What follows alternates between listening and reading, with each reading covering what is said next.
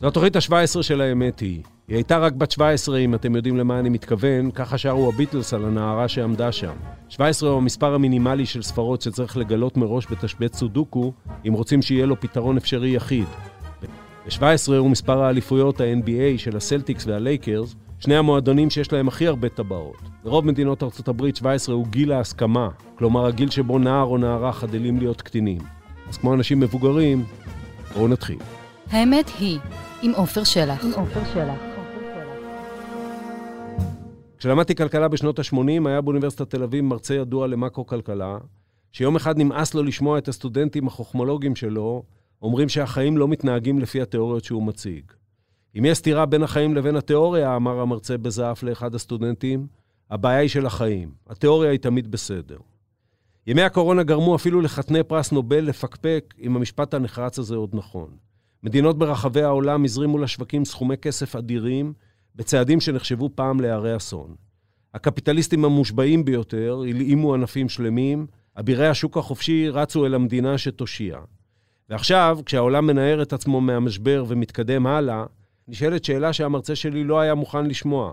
אולי הגיע הזמן לחשוב מחדש על מושגי היסוד. אולי הזמנים שראינו והזמנים שמחכים לנו מצריכים לא רק תיאוריה חדשה, אלא גם מחשבה מחדש על המוסכמות הכלכליות המוסכמות ביותר. פרופסור מומי דהן מלמד כלכלה ומדיניות ציבורית באוניברסיטה העברית. אחד מתחומי המומחיות שלו הוא סוגיית השוויון, מהסוגיות העיקריות בכלכלה העולמית בשנים האחרונות. תחום אחר הוא כלכלת ישראל. הוא מכיר היטב את התיאוריה ואת החיים, ועל זה בדיוק שוחחנו. פרופסור מומי דהן, שלום. היי, עופר. בוא, אתה יודע מה, נתחיל משאלה שאולי תישמע משונה. מה מטרת העל בעיניך צריכה להיות מטרת העל המדינתית, הציבורית, של הפעילות הכלכלית, או של הפעולה הכלכלית של הממשלה? הדרך שאגב, אנחנו גם ככה מלמדים, זה לא יישמע בכלל אה, מוזר. המטרה של הממשלה ושל כלכלה ציבורית באופן כללי, היא למקסם את הרווחה של הציבור. עכשיו, שאלה כמובן מה זה רווחה, כן? זו שאלה, שאלת ענק. אוקיי. אבל אה, זו טעות אה, מאוד נפוצה לחשוב שהמטרה של כלכלה זה למקסם רווח, או למקסם כסף, או רכוש. ממש רחוק רחוק מזרח ממערב. לא, זה יכולה להיות מטרה של חברה. המטרה, אתה, בדיוק. אתה אומר, שר אוצר למשל שאומר, אני מילאתי את הקופה הציבורית, זה לא, זה לא תפקידו. בוודאי שלא. הרעיון כאן הוא למקסם את הרווחה של התושבים. אני אתן דוגמה, נניח שאני אטיל עליך מיסים, אז אני אמלא את הקופה, אבל זה לא בהכרח י- יגדיל את הרווחה, כי נצטרך לש- לשקול את, המיסים, את הנזקים שגרמתי לך כשגביתי מיסים, לעומת התועלת שתצמח לי משימוש במיסים. אז הכנסות עצמם, וזה שוב, זו עוד טעות נפוצה, לחשוב שהמטרה של משרד האוצר היא למקסם את ההכנסות. היית עושה מס גולגולת של 100%, הקופה הייתה מאוד מלאה ואנשים היו מתים מרעב. בדיוק, ולכן באמת המטרה של מדיניות כלכלית, מטרת העל, כמו ששאלת, היא למקסם את הרווחה של התושבים. אוקיי, אז, אז בוא נתחיל להגדיר את הרווחה של הציבור. אתה למשל עסקת הרבה מאוד בנושא האי שוויון, עוסק בזה גם היום. האם שוויון בין האזרחים הוא מטרה של הציבור, או מטרה ציבורית? אני חושב שזאת אה, שאלה יותר של מידה, כלומר, אני חושב שהמדיניות צריכה לחתור למידה מסוימת ונסבלת של אי שוויון. אני לא חושב ששוויון מלא הוא מטרה בעיני, לפחות לא בעיניי. אה, בעיניי המטרה של המדיניות הציבורית צריכה לחתור לאי שוויון נסבל, ואני יכול גם לתאר מה זה אי שוויון נסבל, כי יש אה, למעשה שני ערוצים שדרכם אפשר לראות את אי השוויון. האחד הוא סיוע לאנשים שנמצאים במצוקה. כלומר, גם אם כלכלת השוק תתפקד בצורה יוצאת דופן, זה אומר שחלק מהאנשים, התרומה שלהם לכלכלה תהיה מאוד נמוכה וכלכלת השוק תתגמל אותם מעט מאוד והם יכולים גם לרעוב ללחם.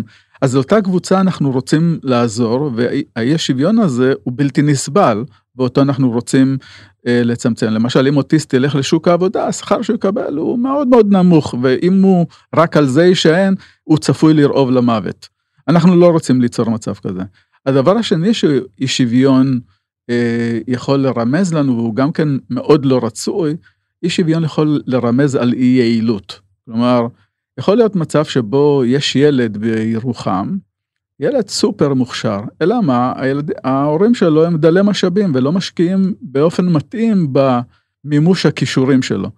אם אנחנו נשען רק על כלכלת השוק, הילד הזה צפוי להשתכר מעט מאוד, לא משום שהוא לא מוכשר, כי התחלתי בזה שהנחתי שהוא מוכשר, אלא משום שהוריו, פשוט הוא נולד להורים הלא נכונים. אוקיי, okay, אז אנחנו אומרים, המדינה לצורך העניין, וזה מערכת החינוך שלה, ומערכת המיסוי שלה, ואיפה שהיא מוציאה את הכסף, מאיפה שהיא לוקחת אותו, ומטרתה הוא, בוא נגיד, להשוות ככל האפשר, נגיד, הזדמנויות, אם אני נותן את זה. אני, אני שואל את זה מפני, אני, ואני מתחיל מזה, מפני שאפשר להגיד שהשיח, חלק גדול מהשיח הכלכלי, של בוודאי שני העשורים האחרונים, נסוב סביב סוגיות שנוגעות לאי שוויון. הריכוזיות אה, במשק, הריכוזיות של העושר, מה ששטיגליץ קרא, אחוז אחד מחזיק ב-40 אחוז מההון האמריקאי, ההשפעה של אה, מהפכת המידע והגלובליזציה על זה שמעטים מחזיקים בזה. ונשאלת השאלה, שוב, אה, עד כמה, מתי הדבר הזה, אתה אמרת אי שוויון בלתי נסבל, מתי הוא נהיה בלתי נסבל? יחסית די פשוט אפשר להגיד. כלומר, אנחנו יודעים למשל שהמדינות הסקנדינביות, אה, אם מסתכלים עליהן ב-150 השנים האחרונות, צמחו לא פחות מאשר ארצות הברית. כלומר, הכלכלה יכולה אה, לנוע קדימה בצורה מאוד מאוד אה, מופלאה, גם עם אי שוויון יחסית אה, נמוך. כולל מיסוי גבוה. כולל מיסוי גבוה כן. וכולי.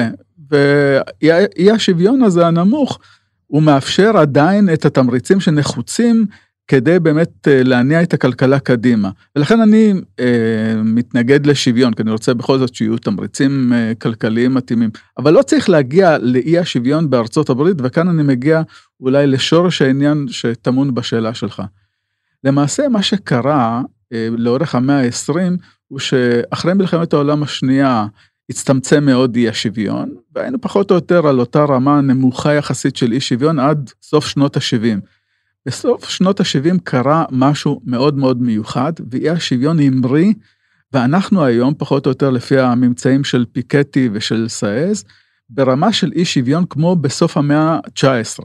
כלומר, תחשוב על זה, זה, זה, זה לא ייאמן שאנחנו חזרנו מבחינת מידת אי השוויון למאה ה-19. עכשיו, למה זה מאוד מטריד?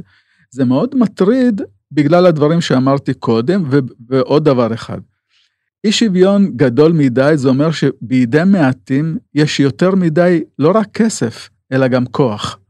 והכוח הזה עלול לשבש לחלוטין את המדיניות הציבורית. כלומר שהמדיניות הכלכלית עלולה להיות מושפעת בצורה מוגזמת על ידי יחסית מעטים, וחלק מהחוק הריכוזיות וההתמודדות שיש היום נניח בהקשר של פייסבוק וגוגל, היא בדיוק למנוע תוצאה שהיא מעוותת ומשובשת. אני, אני רוצה, א', להביא את הדיון ל, לישראל, אה, כי גם קראתי אה, מאמר שלך, אני תכף אתייחס אליו, על אי השוויון אה, אצלנו, אבל להגיד ככלל, קודם כל להגיד, אי השוויון חזר לרמה של סוף המאה ה-19, רמת החיים לא חזרה לסוף המאה ה-19, והיום, אם אנחנו לא מדברים על עניים מרודים, ואנחנו נדבר אולי כמה עניים מרודים באמת יש בישראל, אה, רמת החיים של האדם, שהוא ב-99% האחרים, היא בסופו של דבר טובה. והדבר השני הוא, ההקשר הזה שאתה אה, מדבר עליו, בארצות הברית, ששם כסף פירושו גם בהכרח כוח פוליטי, כי המערכת הפוליטית ממומנת מתרומות, ומתרומות בהרבה מאוד כסף, ויכול לבוא מישהו כמו שלדון אדלסון ולהחליט שהוא שופך 100 מיליון דולר לתוך המערכת הפוליטית בשביל שמישהו ייבחר או לא ייבחר לנשיא. זה סיפור אחד. בישראל המערכת הפוליטית ממומנת ציבורית, ואני חושב שטוב שכך, אני מניח שגם אתה, ויותר קשה להראות איפה אי השוויון הזה באמת משפיע על מדיניות ציבורית שהיא לא כלכלית טהורה. אז עוד פעם, בואו ננסה להגדיר בהקשר הישראלי, אי שוויון בלתי נסבל, ולשים את הקו האמיתי שלו. מאה אחוז. אז קודם כל אני חושב שמאוד חשוב להגיד שכשאנחנו מדברים על אי שוויון ועל רמת חיים, רמת החיים של האדם, או ליתר דיוק רמת הרווחה שממנה התחלנו, מושפעת לא רק מהמצב המוחלט שלו, אלא בעיקר מהמצב היחסי. משום ש...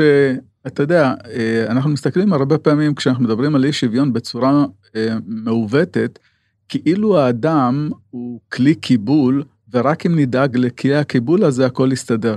לא, האדם הזה הוא גם נפש. למשל בצה"ל, הכירו בזה שכשאדם חוזר מן המלחמה, זה לא רק עניין של פגיעה בגוף. הפגיעה בנפש לפעמים יכולה להיות הרבה יותר קשה.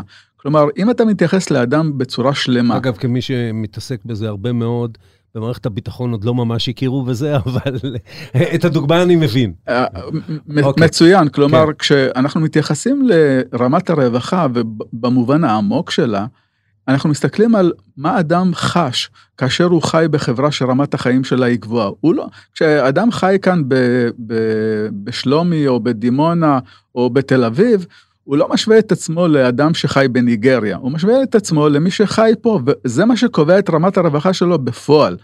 אז אה, זאת נקודה שהיא חשובה. הנקודה השנייה, של לאי השוויון יש שני צדדים.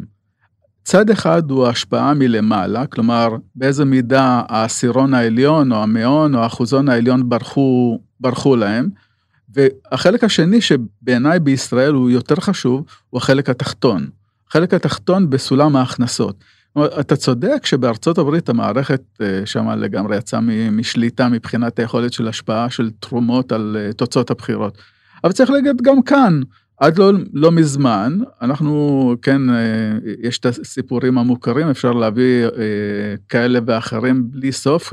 המפגש של נוחי דנקנר עם שר התקשורת מש"ס, אריאל אטיאס, הם לא היו נפגשים אלמלא אחד היה בעל הון והשני היה בעל שליטה על מדיניות התקשורת, כלומר אין להם שום נקודת חיבור ואני יכול... כן, אני, אני. רגע, אני כן. חוזר לנקודה, הנקודה של מה שקורה למטה. אחד הממצאים שאני מצאתי לגבי אי השוויון בישראל, למה הוא כל כך גדול? משום שהסיוע לאוכלוסייה החלשה כאן הוא יחסית קטן, ולכן אה, חלק גדול מאי השוויון נובע מזה שאלה שנמצאים למטה, הם ברמה יחסית נמוכה. והסיוע שניתן בישראל יחסית למדינות המפותחות, אנחנו רחוקים מאוד ממה שניתן במדינות המפותחות, ועיקר הפגיעה, או עיקר אי השוויון הבלתי נסבל, הוא בעיקר מלמטה, יש גם מלמעלה, אבל בעיניי, אני שם את הדגש על מה שנמצא מלמטה. אני, אני, אני שתי הערות על זה. אחת, אה, אה, שהן קשורות לאותו דבר. אני חושב שבישראל, בסופו של דבר, ההשפעה על הדרך שבה השלטון עובד, והיא כמובן קיימת, היא לא על פי, פחות על פי קווים כלכליים ויותר על פי קווים אה, זהותיים, שאגב, קשורים לעניין הכלכלי אה, בקשר אה, גדול אחד, שתכף אני אעמוד עליו. אני, אני רוצה להגיד לך, למשל, שכשחוקקנו את חוק הריכוזיות, ויצא לי אה, להיות אה, האיש שניסח את רובו בגלל הפוזיציה שהייתי בה בתוך ועדת הכספים דאז, הציפייה וחלק מהסיפורים בתקשורת היו על לחצים איומים של טייקונים כאלה ואחרים. אני אומר לך שאני לא הרגשתי אותם. אה, אני אומר לך שלהפך, הרגשתי, ואני לא מצטער על זה, אבל הרגשתי שבעלי ההון או בעלי האינטרסים מפחדים ואולי זו אווירה ציבורית שיצרה התקשורת, שיצרה פוליטיקה והיא חיובית. מפחדים, אפילו אני הזמנתי אותם לבוא לוועדה, להביע את דברם, הם ממש פחדו מה, מהדבר הזה. אה, והדבר השני הוא, שאני לוקח את המשפט המפורסם של בנימין נתניהו, שאמר, בניקוי החרדים והערבים מצבנו טוב. ואני אומר, אי השוויון מרוכז במידה רבה בשתי קהילות, נכון שלא רק שם, הוא גם פריפריאלי במובנים אחרים. אבל מרוכז במידה רבה בשתי קהילות, שהן קהילות פריפריאליות, אפילו על פי ההגדרה השבטית שלהן, נקרא לזה ככה. ולרוב האנשים ששייכים לרוב, בסך הכל מצבם לא רע, ולכן הם לא ממש מתים שהמצב ישתנה. זה נכון מה שאני אומר? לא, באופן קטגורי. אה, קודם כל, אה, אני חושב שזו פעולה בלתי מוסרית לנקות את הערבים ואת החרדים. אה, אני חושב שהקורונה גם הראתה לנו עד כמה המשפט הזה הוא, הוא מאוד מסוכן גם מבחינה בריאותית, כי אתה יכול לנקות אותם בראש שלך, אבל הם לא נעלמים, הם לא אה, ייעלמו מכאן בקרוב, ולכן אני חושב שזו אה, טעות בכלל לנקות אה, ערבים וחרדים. אה, אני חושב שאם ניקח את זה בצורה מוגזמת, אפשר להגיד מה מספר המתים במלחמת העולם השנייה בניקוי יהודים. אני לא חושב שמישהו יאהב את זה. Uh, בטח לא אנחנו. עכשיו, קודם כל אני חושב, אין שום סיבה לנקות את הערבים. יכול להיות ש... לא, לא, אני לא מתווכח לא, כן, כן, כן, ברור לי, ברור. על האמירה. אני רק אומר, היות וזאת הסיטואציה, והיות ובסופו של דבר, כן, או בנימין נתניהו או נפתלי בנט נבחרים על ידי הרוב שאיננו חרדי ואיננו ערבי, ונעזוב כרגע את הקונסטלציה הזאת, אין באמת לחץ אמיתי לשוויון ולשינוי. אוקיי, זה מה שאני טוען. אלה שני דברים שונים. כן. קודם כל, מבחינת הנתונים, נתחיל בנתונים ואחר כך נגיד, נחזור רגע לעניין המוסרי. כשמחשבים את אי השוויון, או את העוני אגב, בניכוי חרדים, העוני בישראל, שיעור העוני, שיעור המשפחות מתחת לקו העוני, הוא כמעט ולא משתנה. זה אולי מדהים, אבל זה המצב. גם אם מנקים את הערבים, ואין סיבה אגב לעשות את זה, העוני בישראל יחסית למדינות ה-OECD, לממוצע, הוא גבוה בין 40 ל-60 אחוז יותר בניכוי ערבים וחרדים. עכשיו, אה, אתה יודע, כשאתה מציג את זה נניח לכלכלן איטלקי או לכלכלן יווני, הוא אומר, אם אתה מתחיל עם התרגילים האלה, אני אנקה לך את כל דרום איטליה, אז אה, כן. איטליה תראה... במילאנו מצבנו טוב. נהדר. כן. אה, אבל אם לחזור לישראל, גם בניקוי, ואני לא ממליץ לאף אחד לעשות את התרגיל המטומטם הזה, עדיין אי השוויון והעוני הוא גדול. ואז שאלת שאלה שבעיניי היא מאוד משמעותית. אתה שואל, אז למה בכל זאת אין לחץ מ- מלמטה? יש לחץ, כלומר ב-2011 הייתה מחאה חברתית. היא ש... לא הייתה של העניים. היא, היא לא הייתה רק... בוא נגיד את האמת, היא לא הייתה של העניים. היא, היא הייתה של המעמד הבינוני ושל אה, אנשים שייצגו את העניים, לא של העניים עצמם. בדרך כלל, אגב, עניים לא מתמרדים. כן. כי הם, הם עסוקים בהישרדות. אין אה, להם תחושה של מסוגלות אה, פוליטית לצורך בדיוק, ובדרך כן. כלל מי, מי שמוביל את זה זה אליטה משרתת שנותנת קול לאותם אנשים. עכשיו, למה אין לחץ? זה קשור לערבים ולחרדים. אני חושב שאחד הדברים אה, המיוחדים בישראל הוא שהקואליציה של העניים היא סופר מגוונת ובקונפליקט. והעובדה שאנחנו לא רואים את הלחץ הזה, זה שקשה מאוד לשתף פעולה בין חרדים לבין ערבים, לבין עניים שהם לא ערבים והם לא חרדים. והעובדה שאין קואליציה כזאתי, במידה רבה אחראית להנצחתו של אי השוויון והעוני. כלומר, אילו הייתה יכולה להיווצר קואליציה כזאתי, אז זה היה משהו אחר, כי את החרדים בעיקר מעניין עולם התורה. את הנציגים הפוליטיים של הערבים, עד לא מזמן, בעיקר עניין, עניין הסכסוך הפלסטיני-ישראלי, פחות הם עסקו, הם עסקו, אבל לא עסקו ברווחה של אה, האזרחים הערבים. ואני אגיד משהו קשה, חלק מהיהודים מוכנים שיהיו אה, עניים יהודים ובלבד שהכסף לא יגיע לא לערבים ולא לחרדים. כלומר, חלק מהסיפור הגדול כאן הוא הכלכלה הפוליטית של אי השוויון. העובדה שהקואליציה של העניים בקונפליקט היא כמובן מאוד אה, מקשה על קידום של מדיניות רווחה, כי כשאתה שואל אנשים את הישראלי הממוצע, הישראלי הממוצע מבחינה כלכלית הוא מהמרכז ושמאלה. הוא כן. יותר דומה למצביע באירופה מאשר למצביע בארצות הברית. כן. ובכל זאת... הוא רוצה. מדינת רווחה, הוא, מוכן גם לרמת מיסוי יותר גבוהה אצל העשירים. הוא מוכן למדיניות כן. רווחה, הוא מוכן למיסוי כן. יותר גבוה, עד שהוא נזכר שיש חרדים וערבים. כן. שזה, לזה התכוונתי קודם כמובן, שזה על, על פסים זהותיים ולא, ולא על, לאו דווקא על פסים כלכליים.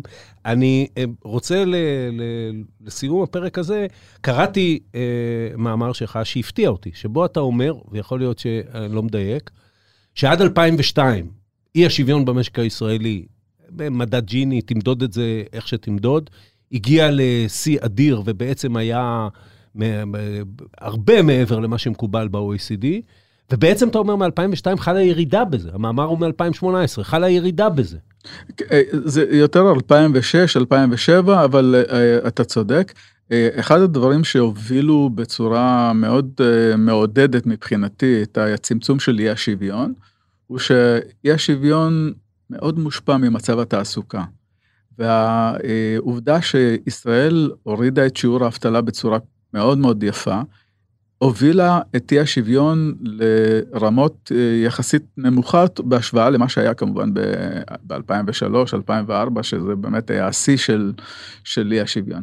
אבל עדיין, וזאת הנקודה החשובה, כשמודדים היום את אי השוויון נטו, בהכנסה נטו, אנחנו עדיין, וכמובן גם במונחים של העוני, עדיין אנחנו במיקום יחסית גבוה בהשוואה למדינות אחרות. כלומר, אי השוויון שירד והוא ירד אגב מתחת ל-OECD, זה אי השוויון לפני ההתערבות של הממשלה. אם לוקחים בחשבון גם את ההתערבות של הממשלה, עדיין אנחנו נמצאים... בוא, בוא נעשה את זה במונחים פיזיים. בא נתניהו ב-2003 כשר אוצר, מקצץ בקצבאות. עם או בלי קשר זה דיון אחר, אבל כנראה שגם עם קשר. יותר, למשל, חרדים יוצאים לעולם העבודה, יש להם הכנסה יותר גבוהה מעבודה, אבל בצד השני, הם מקבלים, הם ואחרים מקבלים פחות בתשלומי העברה. בעצם בכסף שהמדינה לוקחת מהעשירים ונותנת לעניים, ולכן בשורה התחתונה, אתה אומר, דווקא בגלל ההכנסה מעבודה, מצבם היחסי משתפר. אה, כשמסתכלים רק על ההכנסה הכלכלית בשוק, כלומר, אם מסתכלים על ההכנסה בסוף שאיתה קונים במכולת, שזה ההכנסה נטו, שם עדיין אנחנו ברמת אי שוויון גבוהה בהשוואה ל-OECD, וגם בעוני, אנחנו בצמרת, כן? אין, אין, אה, הלוואי והיינו ככה בכדורגל. אה, אה, אתה מדבר על ימות המשיח, זה לא יקרה. אז זהו, אז אני מאחל לעצמי לראות את הטבלה של העוני הפוך, שישראל, אתה חושב על זה, על בוני המדינה, שחשבו על חברת מופת, הם חשבו על חברה הרבה יותר שוויונית, הרבה יותר סולידרית. ואז אתה מסתכל על הטבלה הזאת של, של שיעור העוני, לפי הכנסה נטו, אנחנו עדיין מככבים בצמרת של ה-OECD, זה, זה במקום אור לגויים, אנחנו משהו אחר. כן, אה, אתה יודע, לא מעט מהנזקים של היום הם גם בגלל מה שחשבו אה, מייסדי המדינה ב, ב, בכל מיני דברים, אבל בזה אתה בוודאי צודק. אני רוצה ל, ל, ל, להתקדם מזה לעולם שאנחנו נמצאים בו היום, ולסוגיה האם אה, אה, משבר הקורונה משנה את השיח הכלכלי ולאן. זאת אומרת, אה, היה פה באחד הפודקאסטים המוקדמים, היה פה שי בבט, שהיה מנכ"ל האוצר, ואני אמרתי לו, אם הייתי אומר לך ב-2019, שאתה ב-2020 תשפוך 160 מיליארד שקל, 11% מהתוצר, מהתמ"ג הישראלי, למשק, ובאופן כללי המשק ינקה את הכתף שלו וימשיך הלאה. זאת אומרת, לא תהיה פה קטסטרופה כלכלית, כמו שתמיד אמרתם לנו שיקרה אם אנחנו נשפוך כאלה כמויות של כסף, וזו כמובן תופעה שקרתה לא רק בישראל, אלא בכל העולם. האם זה צריך לשנות בכלל את השיח שלנו סביב מושגים כמו חוב, גירעון, צמיחה?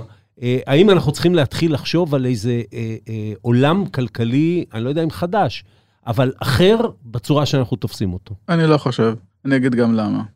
האמת היא שהתיאוריה הכלכלית, אם לומדים אותה בצורה מלאה ונכונה, אומרת אה, דברים יחסית די ברורים.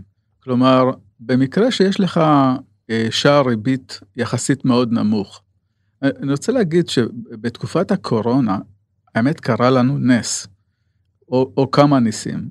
נס אחד הוא שער הריבית הנמוך. הנס השני הוא הלקח מהמשבר הכלכלי של 2008. אחד, אחד הלקחים הכי משמעותיים שיצאו מהמשבר ב-2008, זה שהאשימו את אובמה, ובצדק, שהוא פעל לאט ומעט. וה... אגב, תקפו אותו כשהוא שפך מיליארדים לתעשיית, להציל את תעשיית הרכב, אז תקפו אותו גם אז. אבל עדיין... וכשעשו bailing out לבנקים, חלק מהבנקים וכן הלאה. זה נכון, אבל הלקח עדיין היה שארצות הברית, הממשלה בארצות הברית פעלה לאט ומעט מבחינת ההוצאה התקציבית, ואני חושב שאנחנו ניצלנו ממשבר הומניטרי בזכות שני הניסים האלה. כלומר, כשיש לך אה, שער ריבית כל כך נמוך, יש הצדקה לפעול הרבה יותר באגרסיביות כדי להתמודד עם אסון טבע. והמגפה הזאת היא בדיוק אה, המקרא המתאים. כלומר, מתי כלכלנים ממליצים להגדיל גירעון בצורה משמעותית? כשיש מלחמה, אסון טבע, יש מיתון כלכלי מאוד גדול, אבל הם תמיד יזהירו מפני שער הריבית. ו- וזה בדיוק הנס. הנס הוא שהשער הריבית היה מאוד נמוך, ולכן זה אפשר מרחב תמרון פיסקלי, תקציבי, בכל העולם, ובכלל זה בישראל, ולכן אנחנו רואים את התופעה הזאת. עכשיו, יש עוד נקודה אחת שהיא חשובה. שנייה, אני רוצה לקטוע אותך כאן, מפני שהיום יש דיבור, פחות אצלנו, יותר בעולם, על לחצים אינפלציוניים. לחצים, לחצים אינפלציוניים גם מפני ששפכו הרבה מאוד כסף. אה, אה, וכן הלאה, וגם כי הקורונה גם פגעה בצד ההיצע, פגעה בייצור בעולם, בשרשרות האספקה, בדברים האלה, ועדיין זה גם לא קורה. זאת אומרת, גם כן, האזהרות הקטסטרופליות מפני ההשלכות של דברים כאלה, ואפילו התחזיות שיעלו את אה, שער הריבית, הנה אנחנו כבר, אני לא יודע אם ביציאה מהקורונה, אבל בהחלט כלכלת העולם מתאוששת, יהיו שיעורי צמיחה די סבירים אה, ברוב העולם המערבי היום, ו- ולא מעלים את שער הריבית, ו- ועדיין לא קורית, לא אינפלציה ולא היפר-אינפלציה. האם לא משהו טקטוני שונה בתוך ההגדרות הכלכליות היום? לא, משום ש... שוב, אני, הרעיון הוא כזה, אה, מתי חוב מטריד אותך? כשאתה חושש שמשקיעים או מלווים לא ילוו לממשלה. או, או ילוו בהרבה יותר, אה, בשערים יותר גבוהים, ואז אני אצטרך לשלם יותר בשביל להחזיר בדיוק, כלומר, החשש של המלווים שהממשלה אה, לא תחזיר להם את החוב. מתי הם חוששים? הם חוששים כשהשער הריבית במשק הוא גבוה יותר מאשר שיעור הצמיחה. אם, כי מה הרעיון? הרעיון הוא יחסית די פשוט. החוב, מה שמעניין אותנו זה החוב יחסית לתוצר.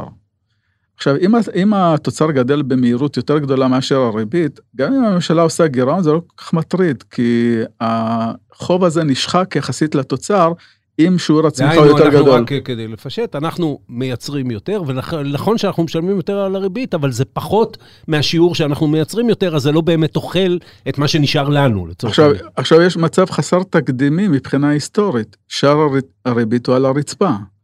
פשוט אפס. כן. כלומר, אין, אין כמעט מחיר אה, לנטילת חוב. וזה יצא בדיוק בזמן שבאה מגפה של פעם במאה שנה, והדבר הנכון ביותר מנקודת ראות כלכלית הוא לפרוס את הפגיעה הזאת על פני הרבה מאוד שנים. הדרך לפרוס אותה הוא, לקחת גירעון, וכיוון שהריבית היא נמוכה מאוד יחסית לצמיחה, אתה לא, לא צריך להיות סופר מודאג, ולכן אנחנו לא רואים את ההשלכות שהיו קורות למשל אילו ישראל הייתה לפני 1985.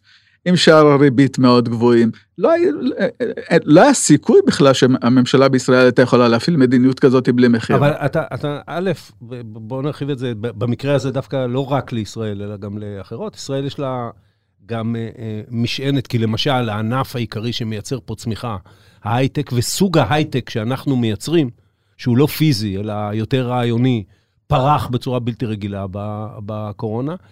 אבל אתה יודע, כשאני למדתי כלכלה בשנות ה-80, והוויכוח המרכזי שעמד באמצע היה נגיד פרידמן מול קיינס, כן? ממשלה גדולה, אה, אה, הוצאה ציבורית אה, גדולה אל מול ממשלה קטנה, שוק חופשי וכן הלאה. הטענה אל מול מה ש... הטענה הפרידמנית אל מול מה שאתה אומר, הייתה אומרת, כן, אבל אנחנו הולכים פה באוויר. אנחנו כמו ההוא שבסרטים המצוירים הולך וכל זמן שהוא לא מסתכל למטה הוא לא נופל. ומתישהו, הכמויות כסף הבלתי נדלות האלה שנזרקות לשוק, שערי הריבית האפסיים האלה, הפריחה שיש בבורסות הייתה 20 וגם 21 מתכנסת לשנות, אה, אה, אה, שיא בבורסה, אז הדבר הזה ייגמר ואנחנו ניפול במכה אחת. אז אני חושב שבדרך כלל אחת הטעויות ביחס לתיאוריה כלכלית היא לשכוח מה, באיזה תנאים הניבוי מתקיים.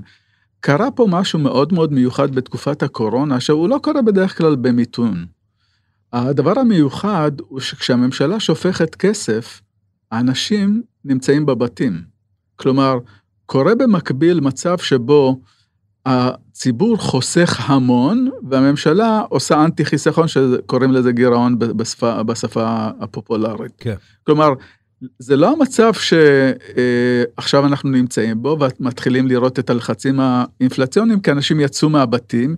אם הממשלה עכשיו תמשיך לשפוך כסף באותה המידה, היא לא עושה את זה, היא עושה פחות, אנחנו נתחיל לראות את הלחצים ואנחנו רואים חלק מהלחצים האלה במידה כזאת או אחרת. אבל צריך לזכור שבמהלך המשבר האנשים היו בבתים. איפה חל שינוי, אני חושב, אה, טקטוני משמעותי? הוא לא בוויכוח על הגירעון והחוב, הוא בוויכוח על תפקידה של הממשלה ועל גודלה. Oh. אני חושב שמה, שם נמצא אה, הפיל הגדול. כלומר, אני חושב שקרה משהו שכמו הרבה דברים, הקורונה האיץ אותו, הוא לא יצר אותו. אה, זכורה האמרה של רייגן שהממשלה היא חלק מהבעיה ולא חלק מהפתרון. יש לו, יש לו משפט נהדר, שהוא אומר, התשע מילים הכי מפחידות באנגלית, אני אתרגם לעברית, זה לא יוצא תשע, כן? זה אני מהממשלה ובאתי לעזור. זה ה... כן, כן. אז, אז אני, אני חושב אה, גילו מחדש את הממשלה. גילו מחדש דבר מאוד מאוד חשוב, כלכלת השוק לא מתפקדת טוב במצבי משבר. וכל העיניים נשואות לממשלה, כי הממשלה היא שדואגת לענייני הבריאות, והממשלה לאנשים שהם איבדו את אה, מקור פרנסתם ביום אחד ללא שום משמע מצידם, הם לא עשו שום דבר, פשוט הגיע נגיף וגרם... יותר מזה, בהוראה ממשלתית הם איבדו את מקום, כי אמרו להם להישאר בבית. אתה צודק לחלוטין, כן. וגם בנוסף לזה, אגב, מי שעושה זה, תומכי כלכלת השוק הכי מובהקים עושים רגולציה של זכויות אדם ואוסרים על אנשים לצאת מהבית, כן? זה, כן. זה, זה האירוניה של ההיסטוריה. יש, יש משפט שאין אתאיסטים בשוחות במלחמה, אז אין אה, אה, קפיטליסטים מובהקים בזמן המגפה. בדיוק, כלומר, כן. יש כאן באמת סיטואציה מאוד מאוד מיוחדת, והיא מתלבשת על דבר אחר. שהוא אגב מתכתב עם מי שזכו בפרס נובל לכלכלה השנה.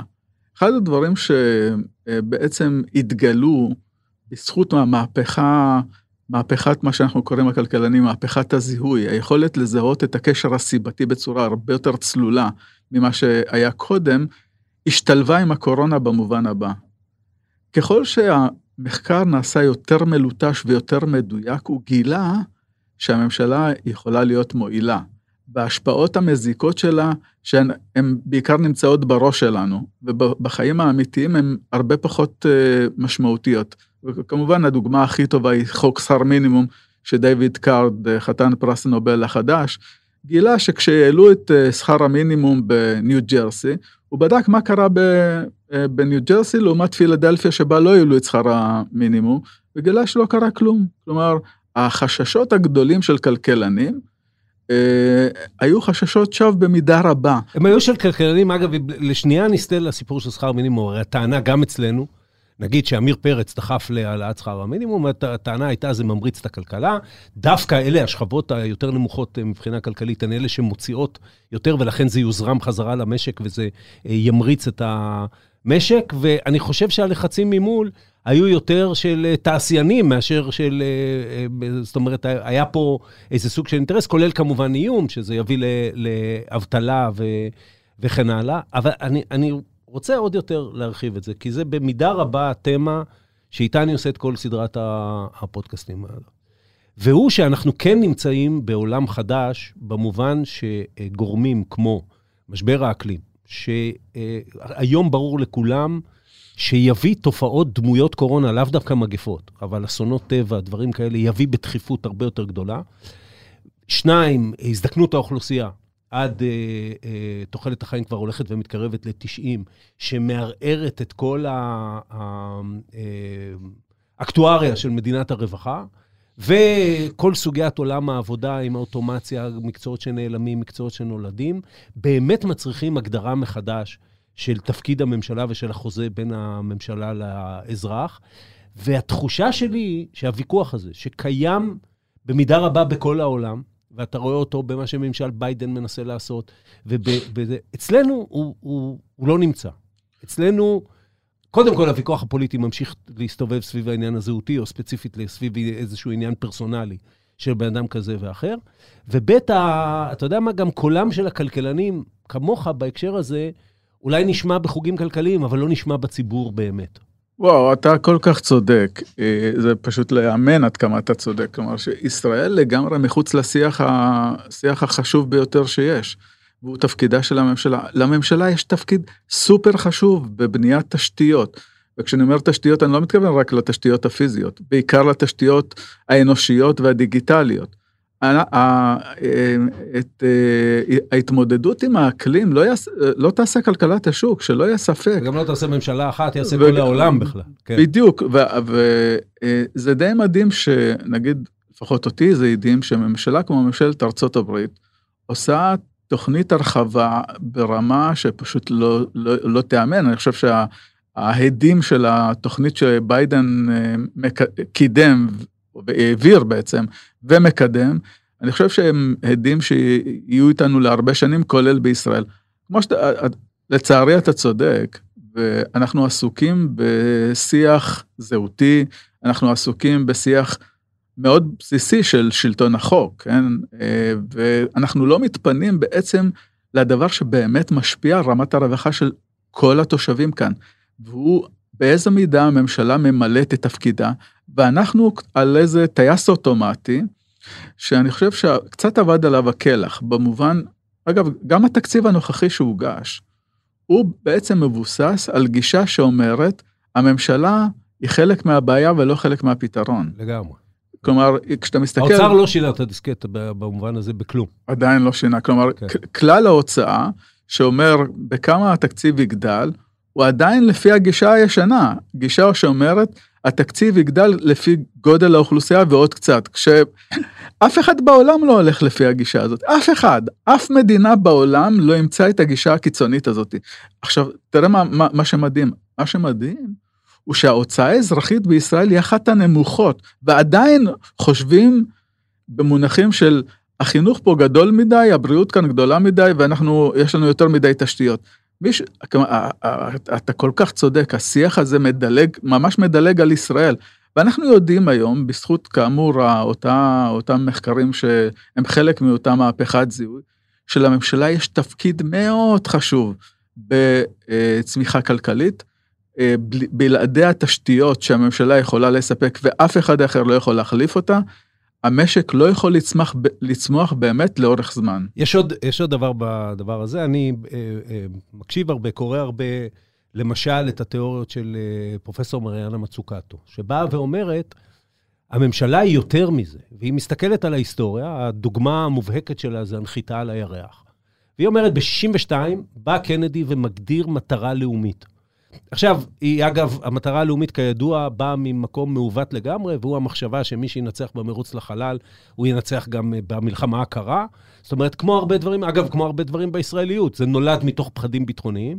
היכולת שלנו להשקיע במו"פ, במערכת הביטחון, היא הרבה יותר גדולה, או הנכונות שלנו, הרבה יותר גדולה מאשר במערכות אחרות. אבל מהרגע שהממשלה מתווה את זה, והממשלה מהווה גם מאיץ וזרז, וגם רגולטור לצורך העניין, לשוק הפרטי ומשתפת איתו פעולה, נולד פרויקט שאתה יודע מה, במידה רבה כל מהפכת המחשוב של חיינו, ב, אה, לגמרי. אה, אה, מיליון דברים שחשבת ולא חשבת עליהם קורים. וממשלות ישראל, תקן אותי אם אני טועה, שכחו את התפקיד הזה כבר מזמן. אני חושב ש, שהשיח בישראל בעצם שיח אמריקאי של שנות ה-80. ואנחנו מפגרים בערך באיזה 40 שנה. שבה, שרואים את הממשלה כאיזה דמון שהוא בעיקר בא להפריע ולא בעצם ליצור את אותם תנאים שהם הכרחיים כדי לקדם אה, כל מיני דברים. הדוגמאות שאני נותן אגב אה, של שירות ציבורי מעולה, אני יכול לתת שורה של דוגמאות ש, שבעצם השירות הציבורי בישראל הוא בקדמת הבמה. אני יכול לתת את הדוגמה של ההשכלה הגבוהה. אין הרבה מדינות שיש להן אוניברסיטאות במאה אה, האוניברסיטאות הכי טובות בעולם. ישראל היא אחת מ-15 מדינות כאלה.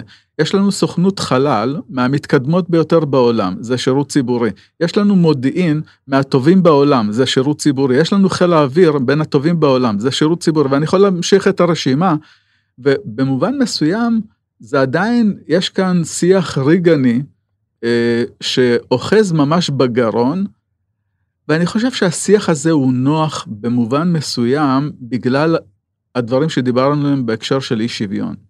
הקואליציה המגוונת הזאת של ערבים, חרדים וכולי, משבשת לנו את המוח. וחלק מזה, הרבה פעמים אני, כשאני מדבר עם פקידי ציבור ברמה בכירה, תשמע, אם, אתה יודע, אם אני עכשיו אגדיל את ההוצאה הממשלתית, היא לא תגיע למקומות הנכונים. יש לו כבר כן, תחזית כן. ידועה שזה כן. אה, לשפוך את הכסף לפח האשפה. וזה בדיוק... אגב, זה גם, גם בציבור, אתה יודע, למשל, כשבא, כשאריה דרעי היה שר הפנים, והוא דיבר על לקחת, לעשות pooling של ארנונה, הרי היה מאבק מאוד גדול, כולל של הקשת המזרחית, ו, וגם uh, בהקשר של נגיד דימונה ומישור רותם, היה uh, uh, מי משלם את הארנונה ומי מקבל את, ה, את הכסף, וחלוקה של, של זה, שזה כמובן גם קשור, שורשים היסטוריים של דברים חברתיים שקרו במדינת ישראל. אבל הטענה הייתה, כשדרעי אמר את זה, הוא לא באמת מתכוון לעשות פה איזה צדק חלוקתי. הוא רוצה את, קר, את הקרן אצלו, כדי שהוא יחלק אותה למקורביו, וזה במקרה דרעי, זה היה יכול להיות גם על, על פוליטיקאי אחר. זאת אומרת, חוסר האמון הזה ש, שנובע מה, מהסוגיות הזהותיות הוא כל כך מובנה אצלנו, שגם אנחנו אולי כציבור לא נותנים קרדיט לממשלה לעשות את זה. זה נכון, אבל גם תמונה כאן הזדמנות עצומה. כלומר, אם אני מסתכל על אסטרטגיית הצמיחה הכלכלית, ולא אגב, לא רק צמיחה כלכלית, אפשר לקרוא לזה גם צמיחה במקומות אחרים, יש לנו שני מאגרים עצומים עם פוטנציאל, ואני לא מתכוון למאגרי הגז, אני מתכוון לחרדים ולערבים. לא, להם אין כבר פוטנציאל, זה כבר הוכח בתוך מבקר כן. המדינה. כן. יש לנו פוטנציאל עצום שטמון במיוחד באוכלוסייה הערבית, גם בגלל גודלה וגם בגלל הריחוק שלה. אה, ואם אנחנו לא נמצה את ההזדמנות הזאת, לא נממש את ההזדמנות הזאת, זה גם חרב מתהפכת עלינו, ואנחנו רואים אותה ברחובות העיר, בעיקר ברחובות היישובים הערביים, אבל אה, זה יחסית די מהר גולש אל מחוץ ליישובים הערביים, ובעלי עסקים בדרום ובגליל. ספר לי, 500 מטר מלוד, וכשהיו המהומות בזמן שומר חומות, לא יכולתי להגיע הביתה, כי הצומת על יד הבית שלי הייתה חסומה. ו- ו- ואז אני, אני חושב הפתרונות למשל שאני שומע הרבה פעמים אה, בדיון הציבורי צריך לאסוף את הנשק. כן. עכשיו אלה פתרונות מסוג אה, פתרונות שהם אה, פתרונות של אקמול או של טווח מאוד מאוד מיידי. כי מה שאנחנו צריכים למנוע זה את המוטיבציה להיות בעל נשק. כי אחד הדברים המוזרים בתחום הפשע זה שאם אתה מכניס עבריין לתוך הכלא, אז הפעולת העבריינות הופכת להיות מאוד מאוד כדאית למי שהיה על, ה, על, על המפתן, כי הוא לא נמצא עכשיו, אפשר לעשות אה, פעולת עבריינות בצורה מאוד מאוד כדאית. אז אתה חייב לשנות את הבסיס שבו לנער או לצעיר ערבי או ערבית, הדבר הכי טוב שהם צריכים לעשות זה להגיע לשוק העבודה ולהשתכר בצורה טובה ומכבדת. וכדי לעשות את זה צריך לספק להם חינוך ותשתיות חינוך מאוד מאוד טובים. וזה מחזיר אותנו לשיח החסר ש, שאתה ציינת בצדק לגבי התפקיד של הממשלה. כלכלת השוק לא תספק חינוך לילד ערבי, גם לא לילד יהודי, אבל ה... ואם רוצים לפתור ב... ב... לעומק את הבעיות של האוכלוסייה הערבית, ויש שם בעיות עומק, הממשלה יש לה תפקיד סופר חשוב בשילוב האוכלוסייה הערבית. רוב האוכלוסייה הערבית רוצה להשתלב בכלכלת ישראל. אה, תמיד יש בדלנים שמתנגדים כן. וכולי, אבל הרוב המכריע, ומבחינתנו זה פוטנציאל עצום. תחשוב אם כל האוכלוסייה הזאת, במקום לעסוק במה שהיא עוסקת היום, תהיה ברמת אה, הון אנושי מאוד גבוהה ותהיה חלק מלמשל ההייטק. אז אני אשאל אותך, כשאנחנו מתכנסים לקראת סיום, אני, אני אשאל אותך שאלה, או תנוסח אולי קצת פרובוקטיבית.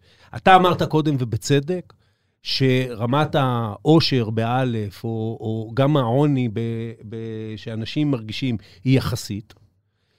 יכול להיות שלמרות שאתה בא ואומר, לרוב הישראלי, קודם כל אתה רוב הולך ומצטמק, כי המגמות הדמוגרפיות הן של שתי הקהילות, קהילות המיעוט הגדולות, גם של החרדים וגם של הערבים. אמנם זה במגמת שינוי, אבל עדיין הם יורדים פחות. זה אומר שיותר מהעול יהיה מונח על כתפיך ככל שהזמן עובר, אם הם ממשיכים להיות ברמות התעסוקה, נגיד של גברים חרדים, נשים ערביות, כמו שהם היום. ומצד שני, אתה אומר לו בזה, הם יהיו יותר שווים לך, והוא אומר, אתה יודע מה, במצב הנוכחי, אני איכשהו מעדיף, הוא לא אומר את זה כמובן, אבל אני איכשהו מעדיף שזה יהיה בתוך הסיטואציה הנוכחית, שבה יכול להיות שאני לא ממש את הפוטנציאל שלי, אבל אני עדיין מעליהם. אני, לא בטוח שאני יורד לסוף השאלה שלך, אבל אני כן אגיד שכשאני אה, מסתכל למשל על שיעורי הילודה, אני רואה תופעה מדהימה. התופעה המדהימה היא שאישה מוסלמית בשנות ה-60 ילדה בממוצע תשעה ילדים. והיום היא אה, בממוצע זה פחות או יותר כמו אישה... משהו כמו 3-7 מול 3-1. לא, לא, כן. זה 3-1, 3-1. כן. זה פחות או יותר, זה, זה, הפער נסגר. עכשיו, אתה, אתה אומר לעצמך, וואו, איזו התפתחות היסטורית מדהימה. כלומר, במובנים רבים, האוכלוסייה הערבית מאוד רוצה להיות ישראלית. כן, אני אה, אומר כאן משהו מאוד פסקני. אני, והביטוי של זה הוא למשל זה בא לידי ביטוי בשיעור הילודה, זה בא לידי בשינויים בגיל הנישואים, אבל אנחנו צריכים לפתוח להם את החלונות ואת הדלתות כדי שהם ייכנסו למגרש הכלכלי באופן מלא. והכניסה הזאת תועיל גם לערבים כמובן, אבל גם ל, ל, אה, למדינת ישראל. אני חושב שאנחנו נוכל לצמוח, כי בוא אני אגיד לך את זה בצורה אה, על דרך השלילה. לא סביר שישראל, שחלק בישראל יצמח וקטר אחד יישאר הרחק מאחור. זה לא יקרה, זה, זה, זה מוביל לדברים כמו המהומות בלוד. אני לא חושב שהמהומות הן בגלל עניינים כלכליים, אבל אם הם היו, היה להם מה להפסיד מנקודת ראות כלכלית, הם היו במקום אחר. לסיום, אני, אני רוצה לשאול אותך לחזור לתפקיד האקדמיה בעניין. ובעולם אתה רואה, אה, א', מעורבות, בואו נגיד, גם, גם יחסי גומלין מאוד ענפים בין האקדמיה לבין המערכת הפוליטית. אה, אה, פוליטיקאים מצטטים, נגיד, כלכלנים מובילים, אתה רואה כלכלנים שהם מעורבים ועוסקים בזה. אצלנו אני צודק להגיד שהאקדמיה, אולי בגלל שהיא ממומנת ברובה ממלכתית, אולי בגלל חשש, לא תופסת את המקום, וספציפית האקדמיה הכלכלית, לא תופסת את המקום הנכון בתוך הוויכוח שצריך להיות, ושנינו מסכימים שהוא לא קורה? אני חושב שבאמת אין מספיק, יש, יש אנשים כמו פרופסור אבי בן בסט ופרופסור טרכטנברג, יש אנשים שבהחלט אה, יוצאים מהמקום הנוח האקדמי וטובלים את הידיים בביצה המקומית, וטוב שכך. אני חושב שחלק מהתפקיד, לפחות ככה אני רואה את זה, של אקדמאי טוב, הוא להיות אינטלקטואל ציבורי. כלומר, לשרת את הציבור שבו הוא חי, ואגב, הוא גם משלם לנו את המשכורת, ולכן אני חושב שיש לנו חובה מוסרית אה, לתרום מהמומחיות שלנו לטובת אה, הציבור. אני הייתי רוצה בהחלט יותר אנשים אה, באקדמיה שיהיו מעורבים אה, בחיים הציבוריים בישראל, ויתרמו מהמומחיות שלהם, ללא קשר מה העמדה שלהם או מה ההשקפה שלהם. יש פחד לנקוט עמדה? אתה מרגיש סביבך, פחד זו מילה אולי קצת חזקה, אבל אה, שאומר, אם אני, אם אני אה, נוקט עמדה, א', פחד אישי, וב', פחד מוסדי. אם אתה באוניברסיטה העברית, והאוניברסיטה העברית אה, אה, סמוכה על השולחן הממשלתי, אז אה, אתה תפגע באוניברסיטה העברית. אה, אה, יש אה, לכלכלנים הטיה לכיוון תמריצים, אז אני הולך לסבול ממנה כרגע. זה ברור לגמרי שהתמריצים האקדמיים הם לפרסם יותר מחקרים בכתבי עת מדעיים, ומי שעוסק בצורכי ציבור, אה, והולך לכנסת או כותב מאמר בעיתון, הוא משחית את זמנו מנקודת המבט של אה, הפסדת לכתוב עוד, אה, עוד מחקר, כן? אז התמריצים האקדמיים הם בישראל הם במיוחד בולטים, נגיד, אם אתה בהרווארד, בקנדי סקול, ואתה נותן עצות טובות לנשיא, והנשיא משתמש בך כדי לעשות דבר כזה או אחר, זה חלק מקורות החיים האקדמיים שלך. בישראל אין לזה בכלל ביטוי, אני מוכן לשלם את המחיר הזה, אבל לא כל אחד מוכן לשלם את המחיר הזה, ואני יכול לגמרי להבין אה, את המחיר שאקדמאי נדרש לשלם, כי הוא יצטרך לשלם בקידום שלו, כי הוא יפרסם פחות, אין מה לעשות, אם אתה משקיע יותר זמן בדבר אחד, יהיה לך פחות מדבר אחר, והתמריצים בישראל הם יחסית די בולטים, ואני מוכרח להגיד שניסינו לעשות שינוי, הוא קורה אבל ב, ב, ב, מה זה נסימות? לנסות להכניס לקריטריונים אה, של קידום אה, אקדמאים באוניברסיטה גם את המימד הציבורי, את המעורבות הציבורית, אה, כמה פעמים הוא הופיע בוועדות בכנסת, או כמה פעמים הוא נתן ייעוץ לשר כזה או אחר וכולי. זה, זה בשולי השוליים, זה כלומר יותר דיבורים ופחות מעשים נגיד ככה. אבל השורה התחתונה היא שהייתי בהחלט רוצה הרבה יותר אה, אקדמאים, כי אני חושב שיש להם אה, תרומה ומומחיות שהיא בעלת ערך, כמו שאמרת, בארצות הברית אה, אקדמאים תורמים לש, לשיח הציבורי בצורה הרבה יותר משמעותית ממה שאנחנו רואים כאן. יש עוד הרבה עבודה. פרופסור מומי דהן, תודה. תודה, עופר. עד כאן עוד פרק של האמת היא. כדי להאזין לפרקים הבאים שלנו, אתם מוזמנים לעקוב אחרינו ב ynet, Spotify, או באפליקציית הפודקאסטים החביבה עליכם. דרגו אותנו ב Apple Podcast, תשלחו את הפרק לחברים. אתם מוזמנים לכתוב לי בדף הפייסבוק שלי, או במייל פודקאסט שטרודל ynet.co.il. בפרקים הבאים אני מבטיח להתייחס. העורך שלנו הוא רון טוביה, בצוות שחר ברקת וערן רחמני. על הסאונד ניסו עזרן. אני עופר שלח, ניפגש בפעם הבאה.